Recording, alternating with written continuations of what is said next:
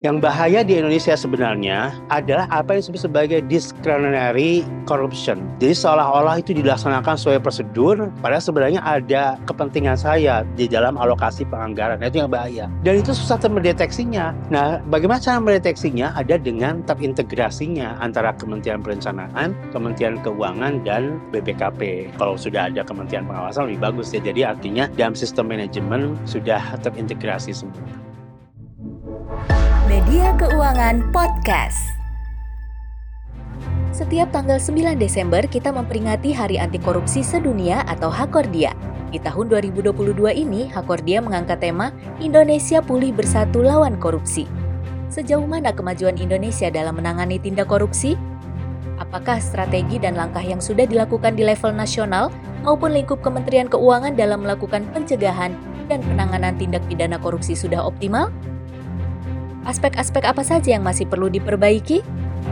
Simak perbincangan media keuangan dengan Dr. Dian Puji Nugraha Simatupang, SHMH, pakar hukum administrasi negara dari Fakultas Hukum Universitas Indonesia pada podcast berikut. Jadi, dalam peringatan Hari Anti Korupsi Sedunia, tema yang diusung adalah Indonesia Pulih Persatuan Korupsi, Pak. Kemudian dengan Bapak, apakah upaya Indonesia dalam melakukan pencegahan korupsi sudah optimal, Pak? Baik, upaya untuk mencegah uh, adanya tindak pidana korupsi di Indonesia, menurut saya memang belum optimal karena kunci utama di dalam pencegahan dan penindakan korupsi sebenarnya diawali dengan pencegahan terlebih dahulu ya. Konsepnya itu adalah pertama dengan penguatan kapasitas aparatur pengawasan intern pemerintah terlebih dahulu. Karena fungsi dari APIP aparatur pengawasan internal pemerintah adalah mendorong, mengawasi, mendeteksi secara dini early warning terhadap kemungkinan terjadinya tindak pidana korupsi. Nah, penguatan kapasitas ini harusnya dilakukan dengan penguatan APIP lebih besar. Salah satunya adalah waktu itu kan pernah saya usulkan, bahkan kami dari FAUI pernah mengusulkan bahwa harusnya ada kementerian khusus pengertian pengawasan e, pembangunan yang pada hakikatnya memberi kesejajaran antara perencanaan, pelaksanaan, dan pengawasan. Nah, jadi ada kementerian yang melaksanakan fungsi-fungsi pelenggaraaan pemerintahan dari awal. Nah, belum optimal karena tadi penguatan kapasitas pengawasan intern di Indonesia belum optimal dan belum memenuhi kapasitas yang uh, seharusnya. Sehingga upaya itu semua saya memang perlu pertama penguatan kapasitas aparatur pengawasan intern pemerintah, Kedua adalah penguatan penyusunan standar operasional prosedur yang tersistem. Dan ketiga adalah integrasi penindakan apabila terjadi tindak pidana korupsi. Tiga ini menurut saya menjadi kriteria yang optimal dalam rangka mencegah dan menindak adanya tindak pidana korupsi di Indonesia, gitu Mbak. Nah, menurut Bapak sendiri nih Pak, tadi kan ada tiga kunci utama tuh ya Bapak sampaikannya untuk menangani korupsi di Indonesia. Nah, sejauh, sejauh mana sih Pak kemajuan Indonesia di Pak dalam melakukan itu semua hmm. dan melakukan strategi penanganan korupsi Pak? Ya, kalau dari segi penindakan sebenarnya tidak kurang cukup ya yang dilakukan di Indonesia ya, adanya KPK, adanya kepolisian, kejaksaan dalam rangka upaya penindakan sudah begitu sangat banyak, apalagi di Indonesia ada banyak badan-badan pemeriksa dan pengawas, ada BPK, BPKP, ada API lainnya, inspektorat, dan sebagainya. Sebenarnya sudah sangat besar dalam rangka penindakannya. Cuma yang paling esensial sebenarnya di Indonesia itu bukan soal penindakannya, tapi sistem pengendalian intern dalam rangka mencegah itu sebenarnya yang paling penting ya. Karena di negara-negara maju justru itu yang diperkuat. Jadi segi-segi administratif pengendalian intern itu diperkuat sehingga tidak perlu ada penindakan. Nah, yang sebenarnya harus dilakukan Indonesia. Jadi dari di Indonesia itu dari segi penindakan sih tidak cukup uh, kurang ya, maksudnya betul-betul sudah sangat maksimal, tapi harus tentu diiringi dengan sistem mekanisme pencegahan yang terintegrasi gitu. Nah, uh, untuk Bapak sendiri ya Pak, bagaimana kemudian caranya agar sistem pengelolaan internet uh, efektif Pak? Satu yang efektif adalah pertama dari segi sumber daya manusianya tentu harus uh, memenuhi kapasitas yang ideal. Dia harus profesional memang dalam melakukan pengawasan. Juga kedua, soal remunerasinya, yang nggak mungkin dia ngawasin tapi honornya seada-adanya. Tentu dia harus punya apa punya finansial yang kuat sehingga tidak tak, jadi tidak mungkin mena, eh, me, apa ada godaan-godaan pihak lain. Ketiga tentu instrumen uh, kelembagaannya. Ya. Makanya waktu itu perlu segera disu yang dulu itu sebenarnya ada undang-undang sistem pengawasan nasional. Yang sebenarnya waktu itu saya ingat tahun 1000 tahun 2007 sudah ada. Tapi sayangnya sampai sekarang belum masuk ke legislasi apa sistem legislasi nasional. Nah, itu sebenarnya harus didorong supaya nanti tahu pengawasan fungsional itu di APIP di bawah itu berpuncak nanti di suatu kementerian pengawasan pembangunan, keuangan dan pembangunan. Nah, dialah nanti membina profesi-profesi pengawas dan dia langsung bertanggung jawab kepada presiden kan. Nah, mengapa bentuknya kementerian? Karena kalau misalnya sekarang masih APIP bentuknya lembaga kementerian non lembaga pemerintah non kementerian maka masih di bawah menteri. Padahal kan seharusnya dia sejajar dengan menteri yang akan diawasinya sehingga filosofi pengawasan adalah kan objektivitas Nah, objektivitas itu harus ada, harus setara dengan yang akan diawasi. Jadi kalau misalnya dia akan mengawasi menteri sebagai pembantu presiden, maka yang ngawasi juga setara dengan sang menteri. Nah, itulah dari dari segi sumber daya manusia, segi kelembagaan dan finansial akan sangat memengaruhi efektivitas keberhasilan kinerja dari pengawasan dalam rangka mencegah tindak pidana korupsi. Gitu. Tadi Bapak sempat mengatakan tentang soal lembaga yang setara ya Pak, kementerian gitu ya. Nah kalau KPK sendiri Pak, menurut Bapak kan mungkin lembaga yang setara juga. Hmm. dengan adanya KPK itu kira-kira masih perlu kementerian yang tadi? Uh, iya, karena kalau KPK kan lebih pada uh, penindakan, Mbak, ya. Jadi tidak tidak memberi empat fungsi pencegahan, yaitu audit, konsultatif, review, sama pendampingan. Kan KPK tidak mungkin melaksanakan empat itu karena yang tidak belum optimal dilakukan adalah di Indonesia itu adanya peraturan pemerintah nomor 60 tahun 2008 tentang sistem pengendalian intern pemerintah. Itu belum dioptimalkan bagi APIP ya padahal empat dia punya. Gunakan dong senjata itu dalam rangka mencegah. Nah empat itu mbak tidak diserahkan ke KPK karena KPK lembaga tersendiri ya. Nah itu hanya diberikan kepada APIP. Makanya kemudian APIP-nya disetarakan dengan kementerian maka dia akan langsung di bawah presiden dan dia dapat mengawasi menteri sebagai pembantu presiden. Jadi fungsi mengapa fungsi itu perlu dijadikan sama seperti kementerian? Karena fungsi APIP itu sebenarnya salah satu pembantu presiden matanya presiden untuk mengawasi jalannya penyelenggaraan pemerintahan dan pembiayaan pembangunan. Sehingga sebagai tangan eh, matanya presiden dalam mengawasi pengawasan ke seluruh eh, Indonesia, maka dia harus punya akses langsung kepada presiden sebagaimana nanti jadi dia itu dia itu di, di dalam sidang kabinet dia kemukakan karena langsung menyampaikan laporan bahwa ada kendala ini, ada situasi ini. Nah itulah mengapa kemudian sejak tahun 2004 kita usulkan supaya dia menjadi setara kementerian. Sehingga dalam sistem manajemen kan ada menteri perencanaan, ada menteri-menteri sebagai yang melaksanakan. Menteri pengawasan mana? Maka harusnya dalam sistem manajemen yang setara, maka perlu ada menteri pengawasan sebagai tangan presiden, matanya presiden dalam rangka pengawasan dan pencegahan tindak pidana korupsi di Indonesia. Gitu. Baik Pak, terima kasih penjelasannya Pak.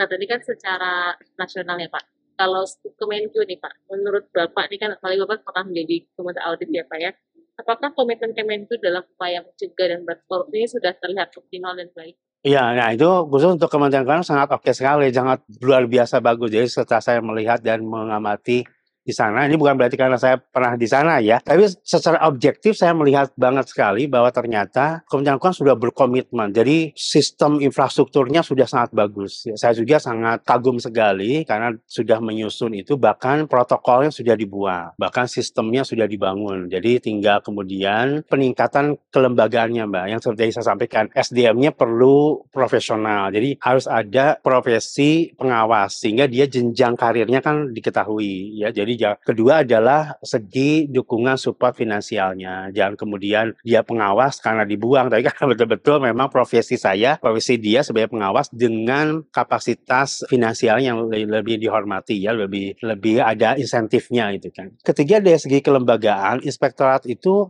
Kementerian Keuangan itu ketika saya ke kementerian lain ternyata menjadi apa menjadi patokan bagi semua kementerian dalam kan pengawasan itu kan bagus sekali ya karena saya juga melihat sendiri bahwa secara sistem secara konsep prinsip dan tata kelolanya sudah dibangun dengan sangat luar biasa di Kementerian Keuangan khususnya di Inspektorat Jenderal Kementerian Keuangan gitu ya. Selain tadi dua terkait SDM dan kemudian secara finansial Pak, apalagi mungkin masukan Bapak untuk upaya perbaikan Kemenq ini supaya nanti lebih optimal lagi dalam menangani korupsi dan mencegah terutamanya Pak? Iya, jadi mungkin perlu ke depan Kementerian Keuangan membuat suatu sistem terintegrasi di seluruh uh, unit kerja di Kementerian Keuangan. Jadi misalnya ada peraturan menteri tentang sistem pengendalian internet secara terintegrasi. Kan nanti misalnya irjennya sama yang di bawahnya pengawas di unit-unitnya di dirjen maupun di bawahnya lagi itu terintegrasi semua ya. Nah, sistem pengendalian internet yang terintegrasi di Kementerian Keuangan kemudian di didukung dengan basic teknologi informasi. Jadi datanya tidak, jadi pelaporan ke dia itu nggak usah langsung melalui teknologi informasi, termasuk juga di dalamnya penyelesaiannya dan juga tindak lanjut ya. Jadi semuanya berbasis teknologi informasi justru akan memberi kemudahan. Dengan kemudahan itu mempercepat juga penanganan dan pencegahan ya. Jadi semuanya telah tersistem terintegrasi dan tersistem secara teknologi informasi. Nah, itu yang mungkin harus ke depan menjadi pionir bagi Kementerian Keuangan untuk melakukannya terlebih dahulu gitu Mbak. Nah terkait dengan kan Kemenq ini kan pengelola keuangan negara ya Pak, di mana alokasi anggarannya itu ke kementerian lain bahkan ke Pemda. Terkait sinergi dan kolaborasi nih Pak dari sisi pencegahan internal dan juga penanganan menurut Bapak seperti apa yang baiknya? Ya, nah itu kembali lagi bahwa dengan Kementerian Keuangan sebagai di dalam pasal 6 ayat 1 ayat 2 ya, huruf A Undang-Undang 17 2003 sebagai pengelola fiskal, maka sebenarnya dia memberi menciptakan kewenangan untuk menyusun suatu sistem integrasi dan yang harmonis dan seluruh pengelola keuangan di Indonesia termasuk di daerah.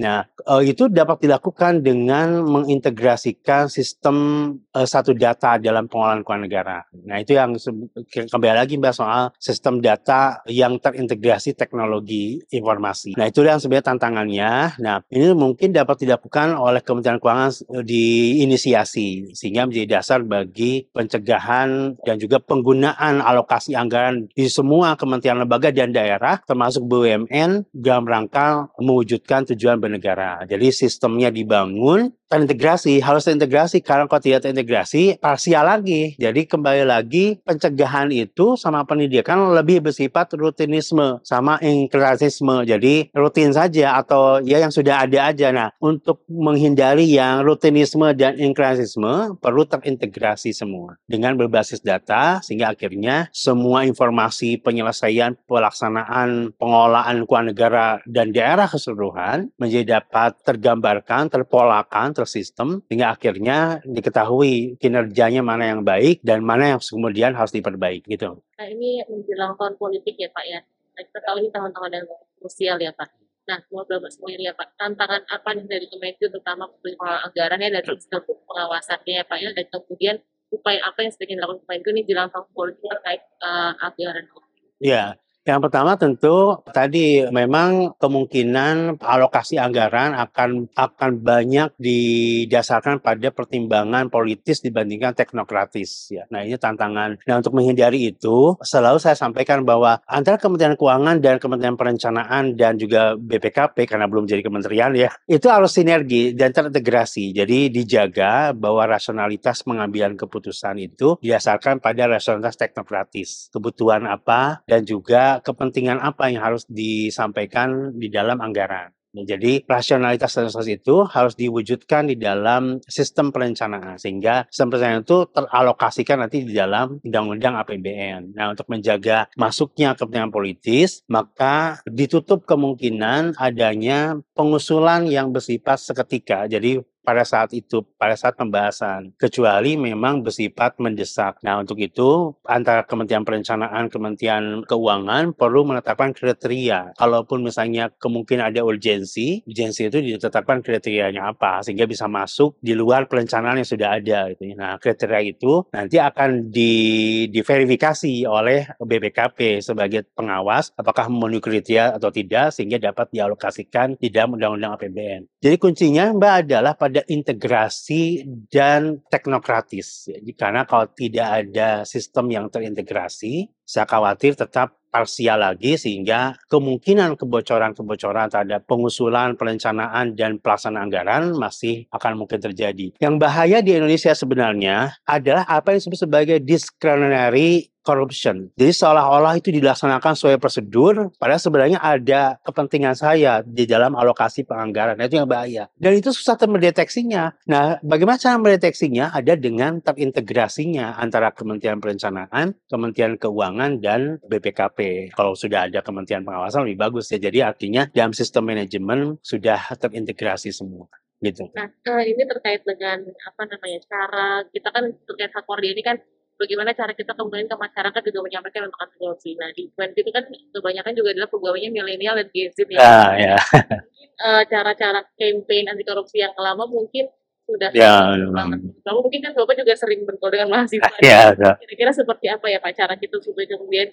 uh, diseminasikan organisasi supaya budaya anti korupsi di Kementerian Ya, uh, mungkin dalam bentuk yang pesan yang lebih mudah dipahami ya bahwa kalau salah satunya adalah biasanya dikemukakan bahwa hak orang itu atau hak dari masing-masing orang akan berkurang ketika ada tindak pidana korupsi. Nah, itu yang saya melihat bahwa untuk generasi sekarang itu lebih cenderung bahwa dia menyadari prioritas terhadap haknya. Nah, kita dalam hal ini perlu menyampaikan bahwa ingat bahwa korupsi akan mengurangi hak dari seseorang yang sebenarnya dia dapat nikmati atau peroleh. Nah, itu dikemukakan serta mengidentifikasi bahwa hak itu justru akan memberi kemajuan pada dirinya. Nah, itulah yang kemudian pesan itu perlu disampaikan, Mbak. Jadi dengan pencegahan korupsi yang lebih baik akan memberi optimalisasi hak dia, hak hidupnya, hak dia berkembang dan hak dia untuk maju meningkatkan kapasitasnya lebih baik lagi. Nah, itu yang mungkin harus disampaikan kepada generasi yang sekarang ini.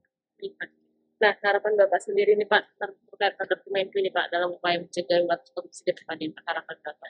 Ya, tentu pertama tadi bahwa e, dibangun pola terintegrasi. Jadi waktu itu sudah saya waktu di komite saya usulkan bahwa ada peraturan menteri keuangan sendiri yang me, tentang sistem pengendalian e, internal secara terintegrasi ya. Jadi semua itu tidak tidak terpisah. Jadi dan berbasis teknologi informasi. Itu menurut saya e, harus e, menjadi pionirnya Kementerian Keuangan sebagai agennya terbaik uh, saya akui sekali jadi ketika saya masuk pun dan ketika ber, selesai menyelesaikan jabatan di kementerian saya sampaikan apresiasi saya yang tinggi terhadap inspektorat jenderal kementerian keuangan sudah sangat luar biasa sekali tinggal didukung dengan apa uh, sistem yang integrasi dan yang penting itu tadi peningkatan kapasitas SDM-nya jadi berikanlah kepada dia uh, jenjang profesi pengawas yang pasti.